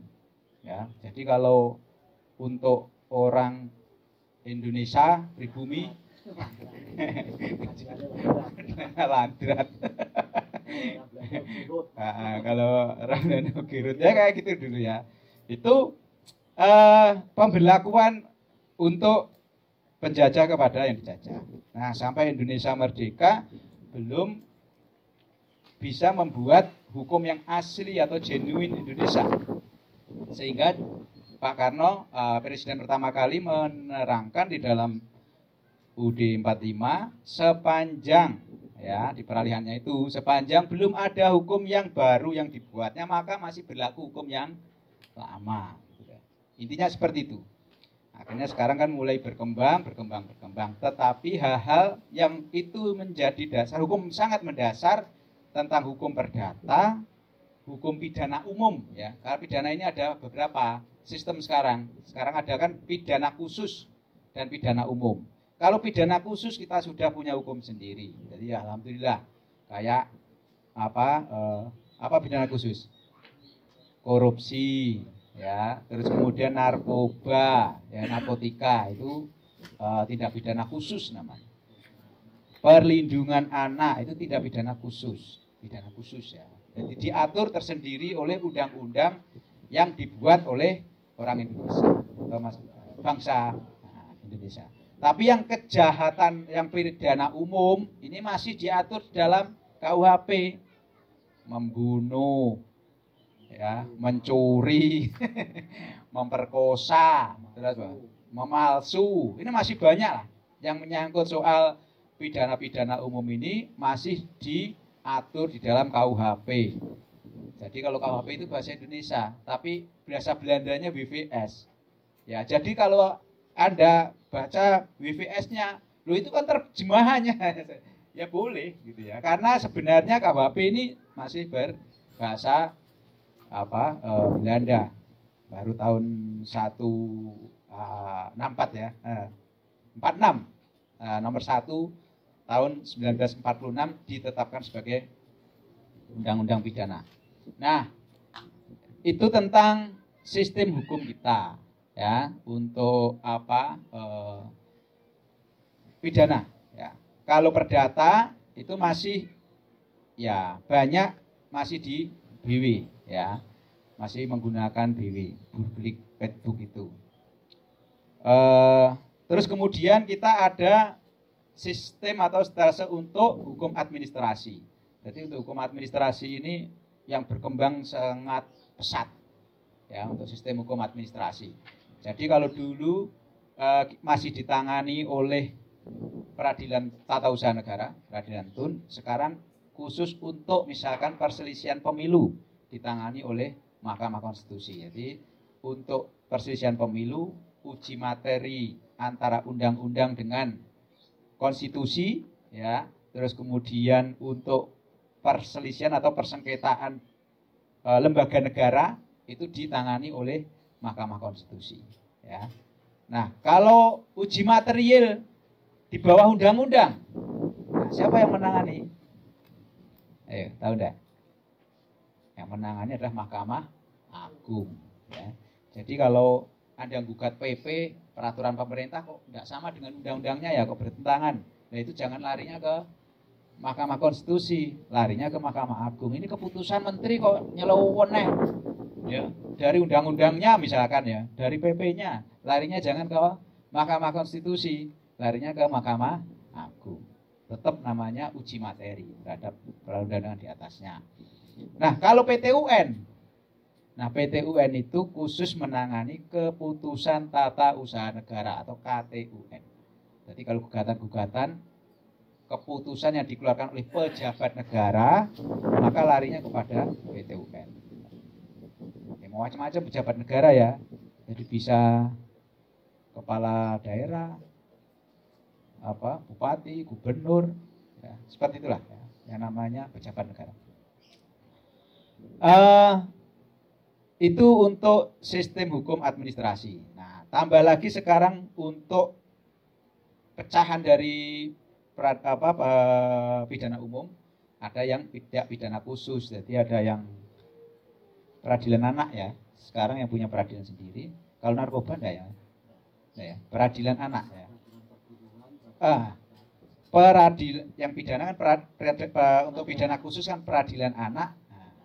Peradilan anak ya. Untuk peradilan anak ini memang baru. Karena ya tindak pidana korupsi itu tidak pidana khusus. Itu memang sangat baru di negara kita dan kita patut bersyukur karena apa e, pemidanaan terhadap anak ini tidak lagi diperlakukan mereka sebagai pelaku orang dewasa ya, jadi khusus untuk apa e, peradilan anak itu atau memperlakukan anak sebagai seorang tersangka misalnya atau seorang yang melakukan tindak pidana ini diperlakukan khusus tidak diperlakukan sebagai orang dewasa. Contoh misalkan dalam beracara lah advokat, hakim, jaksa ini tidak boleh pakai toga ya. Karena kalau pakai toga nanti medeni ya. Didampingi anak sudah takut duluan anaknya gitu. Terus ada nanti ditera, ada yang namanya diversi ya. Nanti akan khusus diterangkan sama Bu Aris nanti dengan apa mungkin pendekatan uh, studi kasus. Asik ya teman gitu ya. Ya uh, itu untuk peradilan anak ya untuk peradilan anak. Nanti detail-detailnya ya kita harus uh, mempelajari khusus dalam pelatihan paralegal lanjutan jadi tidak tidak bisa uh, sampai detail kita Nah kembali lagi ya untuk konsep paralegal awalnya dikembangkan oleh Ornop-Ornop YLBHI pada uh, uh, yang lebih khusus menangani soal bidang hukum. Nah ada yang diperistilahkan sebagai satu apa uh, bantuan hukum struktural. Ya. Bantuan hukum struktural itu memang YLBHI mengembangkan untuk memberikan bantuan kepada Ya, namanya struktural. Struktur-struktur sosial yang dalam kategori mereka menjadi uh, korban dari sebuah kebijakan negara. Contoh misalkan oh, oh, waktu itu misalkan korban pembangunanisasi ya, Semarang Baru, wah pembangunan kira-kira ya kayak sekarang kayak Jokowi bangun infrastruktur kayak gitulah ya.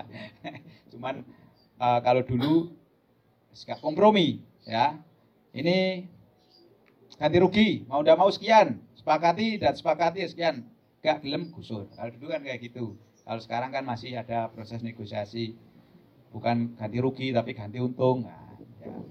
Kalau prakteknya bagaimana ya mesti anda-anda harus lakukan turun di lapangan. Kalau tidak kan ya kita tidak akan tahu ya, apakah uh, prakteknya sudah benar seperti itu itu atau tidak dalam sebuah kebijakan. Uh, korban pembangunan ya karena saya ngadvokasi untuk korban pembangunan ini di tahun apa eh, 70-an 74 itu pada saat maraknya dilakukan pembangunan perumahan untuk rakyat. Awalnya seperti itu programnya negara itu, programnya zamannya Pak Harto baru. Terus mau dibebaskannya lahan banyak di Surabaya. Ya, termasuk ada satu desa namanya Tubanan itu satu desa mau dibuat perumahan untuk rakyat. Nah, rakyat ini tidak tahu kalau zaman terbaru rakyat ini kan yang penting mampu bayar dia kan, bukan orang miskin atau apa.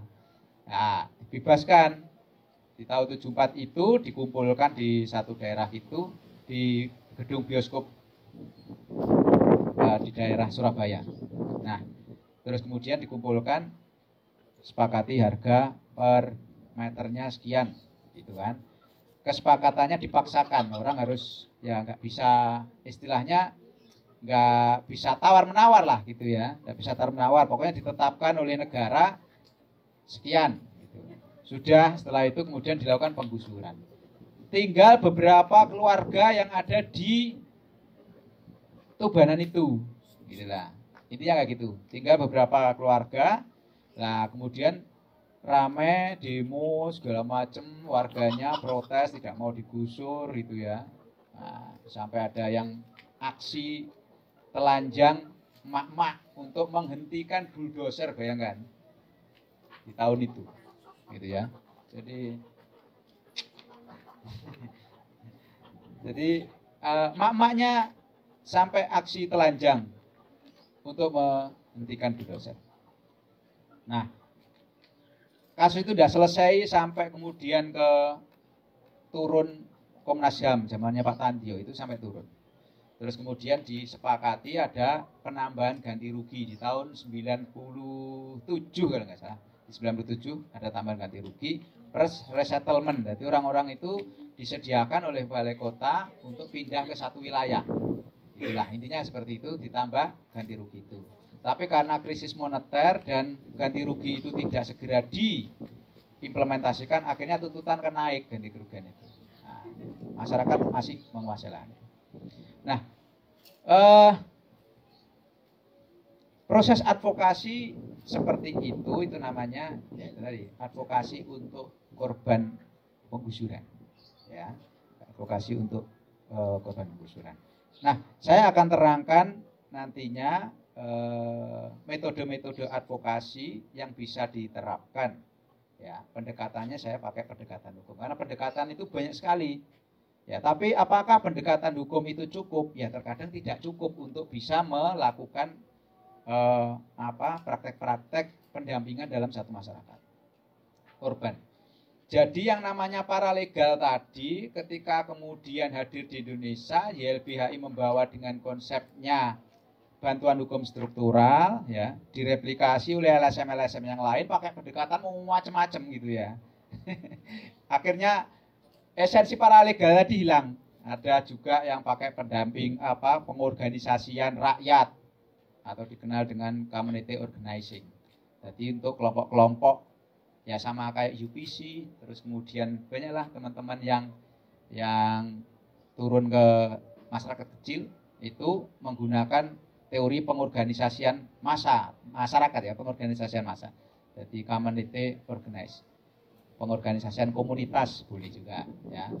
Uh, dulu ada KPPD pendampingan untuk korban uh, apa perempuan dan korban kekerasan rumah tangga. Itu ada kalau di Surabaya dulu KPPD. Jadi pendekatannya dia pakai komunitas berbasis perempuan dan korban anu, korban kekerasan rumah tangga karena ada KDRT dan sebagainya ada apa nah. itu tadi yang kemudian eh, eh, di tahun-tahun 80-an 90-an berkembang pesat ya. Ada kemudian yang khusus Ornop mendampingi isu-isu lingkungan. Ya. Eh, Walhi misalkan. Yaitu concern pada isu-isu apa lingkungan. Ya. Dia pakai sebenarnya ya sama e, menggunakan teori-teori advokasi dan pendampingan-pendampingan hukum. Ya. Karena ada regulasi-regulasi yang mungkin diterapkan itu tidak mencerminkan aspek e, keadilan dalam hal lingkungan sehingga banyak justru praktek-praktek perusahaan-perusahaan besar e, meninggalkan e, apa jejak-jejak eh, limbah ya, terus kerusakan-kerusakan lingkungan ya, tambang-tambang melakukan kerusakan lingkungan seperti itu. Nah, teman Walhi secara spesifik mungkin mengangkat isu lingkungan pada pola pendekatannya.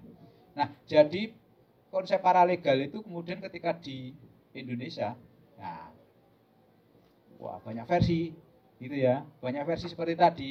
Yang kerja-kerjanya mirip gitu ya, yang kerja-kerjanya mirip dengan eh, apa yang dilakukan eh, oleh paralegal. Tapi kalau di negerinya sono ya, mungkin di Amerika, di Eropa, yang namanya paralegal ya seperti tadi yang saya ungkap. Dia ada khusus nangani soal eh, praktek-praktek asistensi terhadap law firm, kantor hukum yang besar. Ya. Nah, itulah kemudian eh, apa? Karena sebenarnya dari yang idealis, idealis, idealis, idealis. Nah, prakteknya kemudian banyak juga yang ya itu tadi lah Markus, tapi Markusnya tidak fair gitu ya. wartawan, wartawan tidak ngerti etika jurnalistik ya repot juga ya.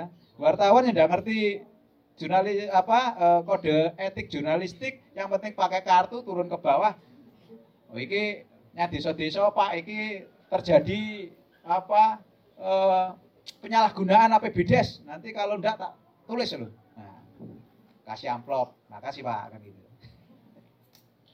Nah, saya di Jakarta itu terus terang jujur ya. Media yang sampai hari ini boleh saya bilang gitu. Media yang sampai hari ini tidak terima amplop jurnalis itu cuma ada tiga. Tempo, yang saya ketahui ya. Kompas, sama Warta Kota. Nah, ngerti ya? Ada uh, koran kriminal itu wartawannya tidak mau terima. Namanya Warta Kota. Warta Kota itu ternyata uh, media kriminalnya uh, punyanya Kompas. Gitu loh. Kalau saya dulu praktek di di Jakarta, nah tiga wartawan itu biasa enggak boleh terima amplop. Gitu loh. Kalau Tempo, kalau kalau sungkan dengan teman-teman wartawan yang lain boleh terima, tapi nanti di kantor dikasihkan kepada manajemen manajemen yang mengembalikan. Nah, ini menghormati posisi jurnalis yang lain. Tapi memang ya agak-agak fair juga sih teman-teman wartawan itu nggak ada juga yang kritik praktek-praktek jurnalis, jurnalis yang lain seperti itu. Ya boleh, tapi ya meneng ae wis koncone nampa ya ora dilokne ya sanus pokoknya kerja sendiri-sendiri komitmen sendiri-sendiri. Nah, uh, sekarang itu udah uh, di bawah karena kebebasan media segala macamnya yang ya, sudah sangat bebas uh, semakin jauh praktek-prakteknya di bawah. Jujur sekarang apalagi kalau di daerah uh, wartawan-wartawan itu semuanya sudah tidak lagi hanya terima amplop tapi lebih lebih dari itu kadang praktek memeras. Nah, ini sing bahaya juga sih ya. Itu yang kalau saya melihatnya justru adalah pada pada apa posisi yang sampai di situ. Nah, sebenarnya kalau ya kalau di barat itu kan selalu pendekatan profesionalisme. Nah, di kita ini kadang tidak ada praktek seperti itu karena apa? Nah, persoalan kode etiknya ini yang terkadang tidak di nanti maghrib, maghrib kita hentikan dulu sholat maghrib ya, nanti harus dilanjut. Nah, ada kesepakatan dulu. Nah, kalau di barat itu kode etik kan di, di betul-betul diterapkan di masing-masing profesi. Nah kalau di kita ini kan enggak itu ya. Jadi misalkan wartawan, cuman kan ada dua organisasi kalau saya melihatnya, PWI sama AJI yang eksis ya. Nah seharusnya kalau dia itu tidak tergabung dalam PWI dan AJI, ya udahlah harus difonis oleh organisasi ini sebagai bukan wartawan. Gitulah gedune. Tapi kan kadang kan enggak. Nah kalau di barat kan di luar organisasi resmi ini praktek-prakteknya kan menyebut dirinya paparasi. Ya sebenarnya di bilang Mas Puji tadi, jadi dia itu adalah mencari informasi dijual kepada siapa yang mau membeli informasi itu. Boleh orang itu secara anu, mencari informasi, wah kejelekan-kejelekan orang aja. Oh artis ini atau pejabat ini, tak cari informasinya oh dia punya aset di sana, di sana, di sana, di sana, di sana. hasil kejahatannya di sana, di sana, di sana. Nah, informasinya itu tidak diekspos boleh, ya. Nah, sama dia mungkin dijual. Siapa yang mau membeli? Terserah misalnya yang mau beli ya. Nah, itu boleh juga, gitu ya. Gitu ya. Ya. ya, jadi itu praktek paparasi kalau di apa? Kalau di ini ya, kalau di barat gitu ya. Nah, heran ya. Anu agak terganggu secara lingkungan. Korban ini. Makanya naik tapi tidak bisa naik. Nah, itu untuk apa eh, praktek-prakteknya. Nah, terus kemudian kadang wartawan ini kan ngerti. Oh, apa ya praktek-praktek hukum yang hukum di dalam praktek gitu ya. Oh dia akhirnya mempelajari apa itu sih anggaran desa gitu kan. Oh belajar undang-undang desa gitu kan. Wah dia tahu uh, posisi-posisi oh desa ini dapat anggaran besar dari misalkan dari negara setiap tahunnya sekurang-kurangnya satu miliar dia dapat dari negara. Nah, makin jadi apa eh, objek untuk mereka. Jadi memang sekarang ini banyak ya kalau menurut saya penyalahgunaan kewenangan ya. Kalau dia tidak ngaku wartawan gitu tidak apa-apa malahan gitu ya. Kadang ngakunya itu wartawan tapi tidak malah mencari berita, tidak mencari informasi, tapi mencari duitnya saja gitu loh. Tapi cara-caranya itu mencari duitnya tidak dengan tidak dengan yang apa ya, tidak dengan yang halus atau legal lah ya. Karena lebih pada memberikan ketakutan. Gitu ya, memberikan ketakutan. Kalau sudah takut, nah, diminta itu anunya kan. Oh, kamu harus bayar saya sekarang sekian. Kalau tidak tak ancam, tak ungkap kan itu.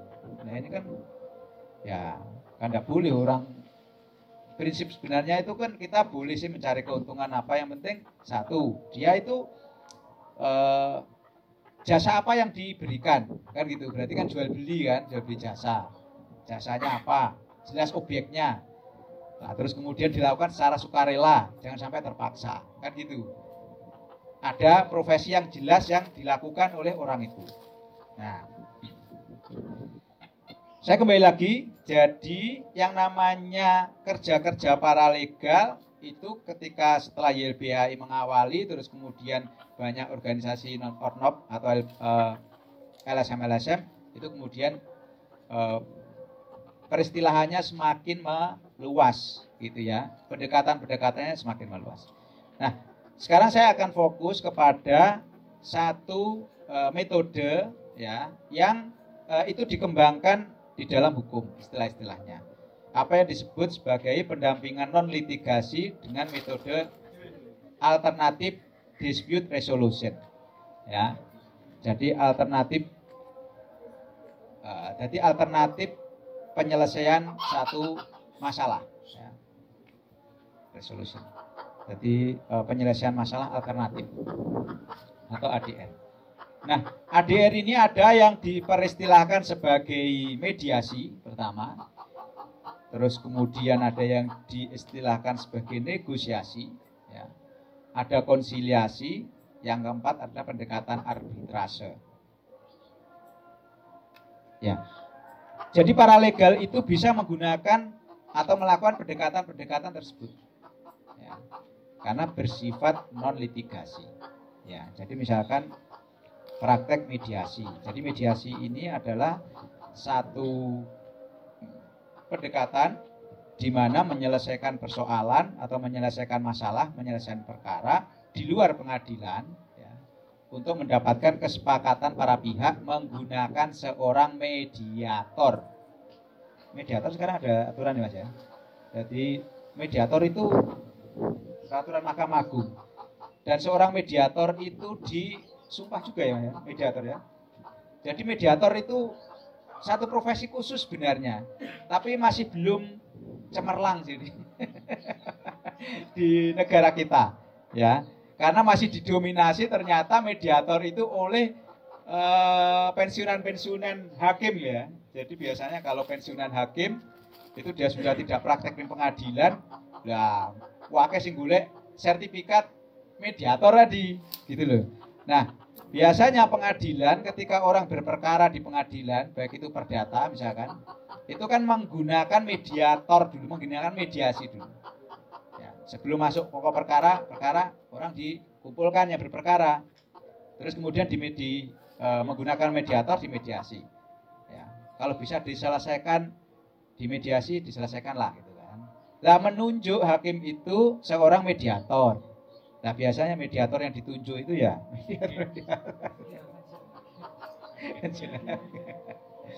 Nah sebenarnya praktek mediasi dilakukan di luar peradilan pun bisa ya. Jadi bisa saja praktek-praktek mediasi itu ya banyak pengembangan lah gitu ya. Jadi bisa saja menunjuk seorang mediator, oh ada perkara di saya, perkara pertanahan. Ya dengan pengembang misalkan. Nah, kalian sudah lama misalkan melakukan pendampingan terhadap korbannya, korban pengusaha yang belum mendapatkan ganti rugi segala macamnya, bla bla bla. Ya tak? Nah, prakteknya memang bisa di kalau anda bisa apa e, bisa menggunakan pola pendekatan penyelesaian mediasi tadi. Ya, tapi harus menunjuk mediatornya yang bisa dipercaya oleh kedua belah pihak. Nah, seperti itu. Nah, terus kemudian mediasi mediasi itu eh, mediasi, negosiasi. Negosiasi itu ada pada uh, ciri khas dari negosiasi itu gini. Posisi para pihaknya tidak seimbang. Jadi bisa jadi pihak yang uh, yang Anda dampingi misalkan ya, itu ada pada posisi yang lemah. Lawan ada pada posisi yang kuat. Atau sebaliknya, yang Anda dampingi adalah pada posisi yang kuat, pihak lawan ada pada posisi yang lemah. Anda ingin menyelesaikan persoalan itu, maka Anda bisa melakukan ya, tentunya dasar kuasa ya, kuasa dari pihak tadi bisa melakukan negosiasi. Negosiasi, saya melakukan negosiasi Pak. Bagaimana kalau uh, objeknya dibagi, nah misalkan ya, oh atau saya ganti dengan uang ganti rugi sekian. Nah, contoh misalkan seperti itulah. Itu namanya negosiasi. Para pihaknya tidak seimbang. Ya. Anda kemudian melakukan antar pihak. Jadi tidak ada eh, tidak ada pihak ketiga di situ. Jadi hanya diselesaikan oleh antar pihak. Ya, itu namanya disebut sebagai negosiasi. Ya, sampai nanti negosiasi itu ya dibahas penyelesaian penyelesaiannya secara detail bagaimana. Jadi uh, untuk ADR ya, Alternative Dispute Resolution untuk negosiasi. Kalau konsiliasi ini adalah uh, penyelesaian konflik ya yang dilakukan konfliknya konflik yang besar dan menghadirkan pihak ketiga biasanya menyangkut kasus-kasus internasional ya. Jadi misalkan apa uh, menyangkut suatu kemerdekaan suatu daerah misalkan ya tuntutan kemerdekaan seperti kayak Aceh segala macamnya itu ada proses menghadirkan pihak ketiga tapi dari apa isu-isu internasional dari luar negeri. Itu namanya konsiliasi. Nah, kalau arbitrase itu adalah perwasitan. Kalau arbitrase ini kita ada badan yang sudah apa e, sudah berdiri peradilannya perwasitannya namanya BANI, Badan Arbitrase Nasional Indonesia. Jadi dalam perkara-perkara yang bersifat keperdataan ya bisa saja di dalam suatu perjanjiannya menyatakan penyelesaian kalau terjadi hal-hal yang bersifat berperkara tidak diselesaikan di pengadilan negeri tapi diselesaikan di BANI Badan Arbitrase Nasional. Nanti di situ akan ditunjuk jadi prosesnya ada dua pihak yang berperkara. Satu pihak nanti akan menunjuk siapa wasitnya, satu pihak lain menunjuk wasitnya, satu lagi akan ditunjuk oleh BANI sebagai penengah atau wasit pihak uh, dari BAN. Jadi diselesaikan oleh tiga wasit dalam uh, penyelesaian perkara itu. Nah biasanya ya ban, hasil keputusan Bani ini tidak bisa dilakukan upaya hukum lain. Ya, jadi kalau sudah diputus oleh Bani ya sudah digugat di pengadilan itu tidak bisa atas perkara atau objek itu. Ya, jadi sebenarnya seperti kayak uh, peradilan tersendiri, tapi ini menyangkut soal uh, apa sengketa-sengketa keperdataan. Nah, jadi itu ya yang bisa dikembangkan menggunakan metode ADR tadi. Nah, ini yang dielaborasi memang oleh teman-teman YLBHI dalam proses bantuan hukum struktural yang saya sebutkan tadi. Ya, jadi mereka menggunakan wilayah-wilayah itu nah, dalam proses penyelesaian-penyelesaian berperkara. Nah, eh, dari sekalian mungkin ada beberapa hal menyangkut soal, nah, bagaimana toh eh, kita belajar soal hukum dalam praktek. Nah, ini kan hukum dalam praktek, ya. Jadi pertama yang memang harus diketahui dulu adalah pengertian-pengertian yang mesti jenengan harus paham. Sederhana aja lah. Contoh misalkan, apa yang disebut subjek hukum. Jadi dalam proses pendekatannya, misalkan Anda, oh saya tak ikut proses paralegal menjadi asisten advokat. Nah, kalau asisten advokat pasti objeknya adalah perkara, ya perkara di pengadilan nomor sekian sekian sekian. Nah, tinggal perkaranya apa?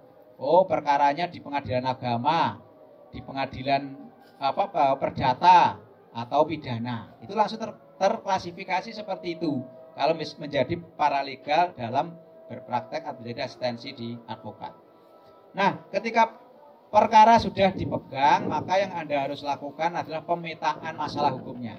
Satu adalah subjek hukum. Nah, subjek hukum itu apa? Kalau di Indonesia dikenal subjek hukum itu ada dua. Satu adalah naturally person atau orang. Yang kedua adalah reh person atau badan hukum. Nah ini beda ya. Jadi kalau satu ini adalah orang, itu ya kayak kita kita ini ada subjek hukum. Ya. Tapi nanti akan ada lagi subjek hukum orang itu menyangkut soal kedewasaan bertindak. Nah itu beda lagi nanti perlu detail lagi anunya ya uh, apa uh, untuk mempelajarinya. Nah, kalau badan hukum itu apa? Atau represent badan hukum itu adalah yang pertama perseroan terbatas. Ya. Yang kedua kalau kalau bisnis itu hanya perseroan terbatas. Terus yang sosi, bersifat sosial ada perkumpulan, ya, yayasan dan kooperasi. Kooperasi ini ada bisnisnya juga, jadi sosial bisnis. Tapi dengan bisnis kolektif ya, ya sifatnya. Nah, masing-masing ini akan berbeda. Pertanyaan mungkin, Pak, kalau CV itu badan hukum atau bukan? Ya. Pak, yang namanya matskap atau apa eh, apa namanya badan badan hukum atau bukan? Ya. Firma itu badan hukum bukan. Jadi namanya CV, firma dan e, matskap itu adalah badan usaha, tetapi bukan badan hukum. Ya. Sama UD lah, empat ya. UD, CV, Matskap, Firma. Itu badan usaha tapi bukan badan hukum. Badannya kenapa disebut badan hukum? Disebut badan hukum karena dia itu seperti orang. Punya struktur, ya, punya harta kekayaan sendiri, ya, yaitu jadi eh, dan dia bisa melakukan perbuatan hukum seperti orang. Punya struktur. Jadi dia punya kepala yang bertanggung jawab siapa. Terus punya apa tangan, siapa ya. Jadi kayak misalkan yayasan itu ada pembina, dia ada pengawas, dia ada pengurus. Kekuasaan dia ada di pembina, kepalanya lah yang bertanggung jawab itu pembina, itu yayasan. Kalau PT dia ada pemegang saham, ya. Terus dalam uh, ada RUPS, ya, rapat umum pemegang saham dan direktur. Nah, direktur ini hanya sebagai pelaksana dari apa yang dipersilakan sebagai RUPS, rapat umum pemegang saham. Nah, itu kalau koperasi sebagai badan hukum, koperasi itu pemegang kekuasaan kebijakannya adalah rapat anggota. Ya. Jadi direktur Jadi direktur direktur direktur ketua koperasi ya atau organ koperasi ini hanya sebagai pelaksana dari rapat anggota. Ya, itu kalau koperasi. Kalau perkumpulan, kalau perkumpulan itu ya dia pemegang keputusannya, kekuasaannya ada pada rapat anggota juga. Nah, rapat anggota kalau di perkumpulan kan ada pengawas, ada pengurus, ketua, sekretaris, bendahara, tapi kekuasaannya ada pada rapat anggota yang menentukan.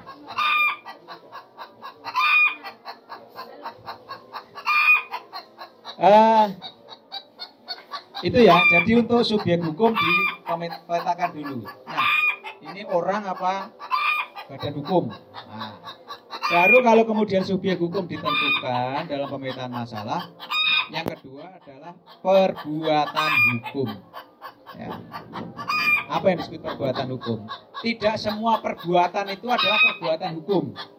Nah, tinggal yang kalian petakan masalahnya apa? Kalau masalahnya misalkan pidana, ya. Perbuatannya hukum misalkan pembunuhan. Ya. Pembunuhan itu adalah perbuatan hukum dia. Nah, pasalnya nanti ya akan lari kepada pembunuhan segala macamnya. Persoalan lain perbuatan-perbuatan yang dilakukan di luar pembunuhan ya mungkin bukan perbuatan hukum. Ya. Nah, perbuatan hukum ini bisa dipetakan kalau ada yang diistilahkan sebagai fakta hukum. Tidak semua fakta juga fakta hukum. Ya. Tidak semua fakta itu fakta hukum. Ada yang fakta non hukum, ada fakta hukum. Nah, kalau fakta hukum sudah ditentukan, oh ini fakta, fakta, fakta, fakta, fakta, fakta. Ya. Kalau faktanya sudah ditentukan, maka kemudian dipilah-pilah lagi mana yang fakta hukum, mana yang bukan fakta hukum. Baru bisa ditentukan perbuatan hukumnya itu tadi apa. Terus kemudian apa yang diistilahkan sebagai peristiwa hukum. Ya. Jadi beda ya antara perbuatan hukum dengan peristiwa hukum. Bisa kasih contoh enggak peristiwa hukum itu apa? Contoh peristiwa hukum. Nah, contohnya misalkan pewarisan. Nah, pewarisan itu adalah satu peristiwa hukum. Kenapa disebut peristiwa hukum? Karena dia itu meninggal, uh, si pewaris itu misalkan orang yang punya waris itu meninggal, ya. Maka dengan serta merta karena peristiwa hukum kematian tadi, harta bendanya bisa beralih. Jadi bukan karena beralihnya suatu benda bukan karena perbuatan hukum si pewaris, karena pewaris mati. Mati kan dari ngalih no. Jadi dia berdasarkan peristiwa hukum. Peristiwa hukum itu adalah kematian tadi kemudian menyebabkan uh, waris berpindah dan harta itu menjadi berpindah kepada ahli waris. Jadi kematian itu adalah peristiwa hukum. Ya. Jadi uh, peristiwa hukum yang punya harta. Ya. Jadi mati randu harta yang tidak bukan peristiwa hukum. Berkena randu apa-apa sih diwarisno. Jadi kematian yang khusus. Jadi lah duwe harta, ya tidak bisa disebut sebagai peristiwa hukum semua.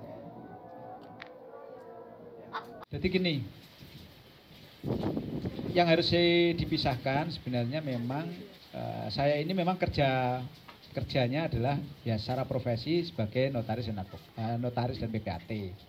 Tapi di kerja di LBH ini saya memang di struktur pengawas LBH. Ya. Nah, dalam konteks teman-teman berpraktek ya memang akan banyak macam ya. Tinggal pilihan-pilihan aja ya perkaranya. Kalau misalkan menghadapi hal oh persoalan di masyarakat, masalahnya adalah persoalan sertifikasi apa e, tanah misalkan. Nah, ya kalau persoalan sertifikasi tanah atau pendaftaran tanah untuk pertama kalinya ya tidak apa-apa dikonsultasikan dulu ke apa ke saya misalkan karena kan kalau persoalan sertifikasi lahan ini ya ada yang namanya gini uh, kalau ingin masuk skema tidak mampu ya miskin ya tidak ke saya larinya. Tapi sebagai sebagai notaris tapi larinya ke desa untuk diajukan PTSL ya pendaftaran untuk pertama kalinya atau prona. Sekarang itu istilahnya PTSL atau prona desa. Tapi memang ini juga apa e, tergantung desanya sih mengajukan atau tidak kepala desanya. Sehingga kalau misalkan tidak ya mesti memang harus dibawa kepada eh, kantor notaris atau PPAT. Nah tentunya kalau di sana ya kita tidak bicara apa pro bono karena tidak ada istilah itu kalau di, di notariat. kalau di notariat tidak ada istilah pro bono, semuanya harus berbayar. ya karena lain ya skema skema untuk teman advokat sama notaris PPAT ini lain. Kalau notaris PPAT memang apa eh, tidak ada yang namanya etik menolak perkara. Jadi kita, eh, apa tidak boleh menolak perkara. Jadi kalau notaris PPAT itu malah berlawanan dengan advokat. Kalau secara hukum data-datanya tidak anu perkara itu atau klien harus ditolak. Jadi kalau tidak memenuhi unsur-unsur berkas-berkas dicukupi secara hukum, maka notaris PPAT itu malah justru harus menolaknya. Itu harus dipenuhi dulu. Orang mau jual beli pajaknya misalkan belum dibayarkan, ya, dan tidak mau bayar pajaknya. Nah, notaris PPAT harus menolaknya, penuhi dulu pajak-pajaknya Pak untuk proses ini, ya. Kalau tidak mau, ya tidak mau Pak, masa harus bayar pajak kan mahal. Ya saya bantu Pak, nah, saya bantu dalam pengertian menghapus pajaknya ya tidak bisa gitu ya. Mungkin karakternya. Jadi ini kan bedanya dengan advokat kalau di notaris PPAT ya. Terus eh, kalau itu bantuan bersifat yang kayak pro bono tadi, notaris PPAT hanya pada wilayah konsultasi biasanya, ya. Dan itu dilakukan oleh kelembagaan. Jadi kalau notaris pada ini ikatan notaris Indonesia, maka ini yang akan melakukan uh, ya melakukan konsultasi-konsultasi yang bersifat tidak bayar tadi. Atau PPAT ada IPAT, ya, Ikatan Pejabat Pembuat Akta Tanah. Ya. Nah, kalau di di apa profesi notaris PPAT seperti itu. Jadi kalau misalkan ada orang atau klien yang ingin mendaftarkan tanahnya untuk pertama kali, ya konsultasikan aja, tidak apa-apa. Misalkan ke saya konsultasi Pak, ini biayanya berapa ya? Nanti kita bicarakan biayanya itu. Jadi secara secara nanti biayanya sekian dek, pajak yang harus dibayar sekian dek tadi. Karena saya tidak bisa menentukan e, berdasarkan langsung berkas yang saya terima, tapi lebih saya harus konsultasi dulu hasil validasinya untuk pajaknya berapa itu. Terus kemudian untuk pengurusan ke BPN-nya itu habisnya berapa. Baru nanti akan sama sampaikan oh sekian yang harus di ya, persoalan ya wis tak urus ning nggonmu ya tak urus. Ora ya rapopo jadi kalau saya kerja profesi saya seperti itu. Tapi kalau di LBH nah kerja-kerja soal pendampingan karena tadi ada kasus segala macamnya nah saya lebih di non litigasi seperti ini memang untuk pemberdayaan konsultasi dan apa e, penyuluhan ya penyuluhan eh, apa kerja pemberdayaan kayak paralegal ini pelatihan atau penelitian hukum ya, investigasi. Nah itu urusan urusannya dengan LBH dengan saya biasanya. Kalau yang bersifat litigasi dengan Pak Pujian jadi. Sama advokatnya ini Bu Aris juga advokatnya di LBH gitu ya ada lagi yang lain Nah, karena cukup saya kira terima kasih ya, ya saya lanjut langsung nanti dengan Bu Aris yang mungkin akan memberikan studi kasus membuat kelompok mungkin dengan ya, secara sederhana ya. Uh, jadi nanti mungkin yang lebih lanjut soal detail kita nanti akan ya uh, kita bahas nanti di internal LBH-nya apakah akan menyelenggarakan pelatihan paralegal lanjutan. Karena kalau paralegal lanjutan itu harus sudah detail nanti pelatihan membuat surat kuasa. Kayak kayak gitu. Pelatihan mungkin untuk membuat draft e, perancangan regulasi misalkan. Perancangan perundang-undangan. Oh untuk perdes misalkan. Biar bisa diaplikasikan. Membuat misalkan hasil mediasi misalkan. Hal-hal yang seperti itu yang akan kita ajarkan dalam apa e, e, lanjutan Misalkan pendirian koperasi, bagaimana membuat draft ADART koperasi, apa aja, e, bagaimana tata cara segala macamnya. Apa itu bumdes, apa itu macam lah ya. Jadi yang lebih detail-detail dan praktis kalau lanjutan, sehingga nanti turun langsung bisa berpraktek, oh membuatkan draft untuk hasil mediasi itu seperti ini. Oh membuatkan perjanjian itu seperti ini, membuatkan eh, draft gugatan atau tadi apa legal opinion misalkan ya kayak gitu. Jadi nanti itu akan kita bahas pada sesi pelatihan lanjutan dari para legal. Ya nanti untuk pelaksanaannya ya lebih lanjut lah. Kalau nanti teman-teman minat ya eh, yang sudah me- mengikuti pelatihan dasar para legal ini yang mungkin akan bisa. Saya kira itu dari saya. Terima kasih. Well, this is the end of our episode. If you want to talk about something, just hit us on email. And thank you. See you and have a great day.